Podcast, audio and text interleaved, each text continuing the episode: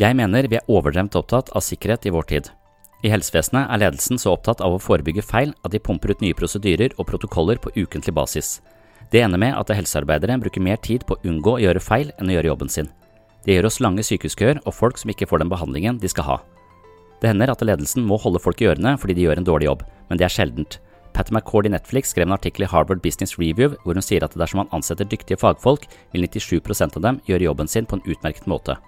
Likevel bruker de fleste virksomheter enorme mengder ressurser på HR-tiltak og prosedyreverk for å hindre at de siste 3% gjør noe dumt eller ikke gjør jobben sin.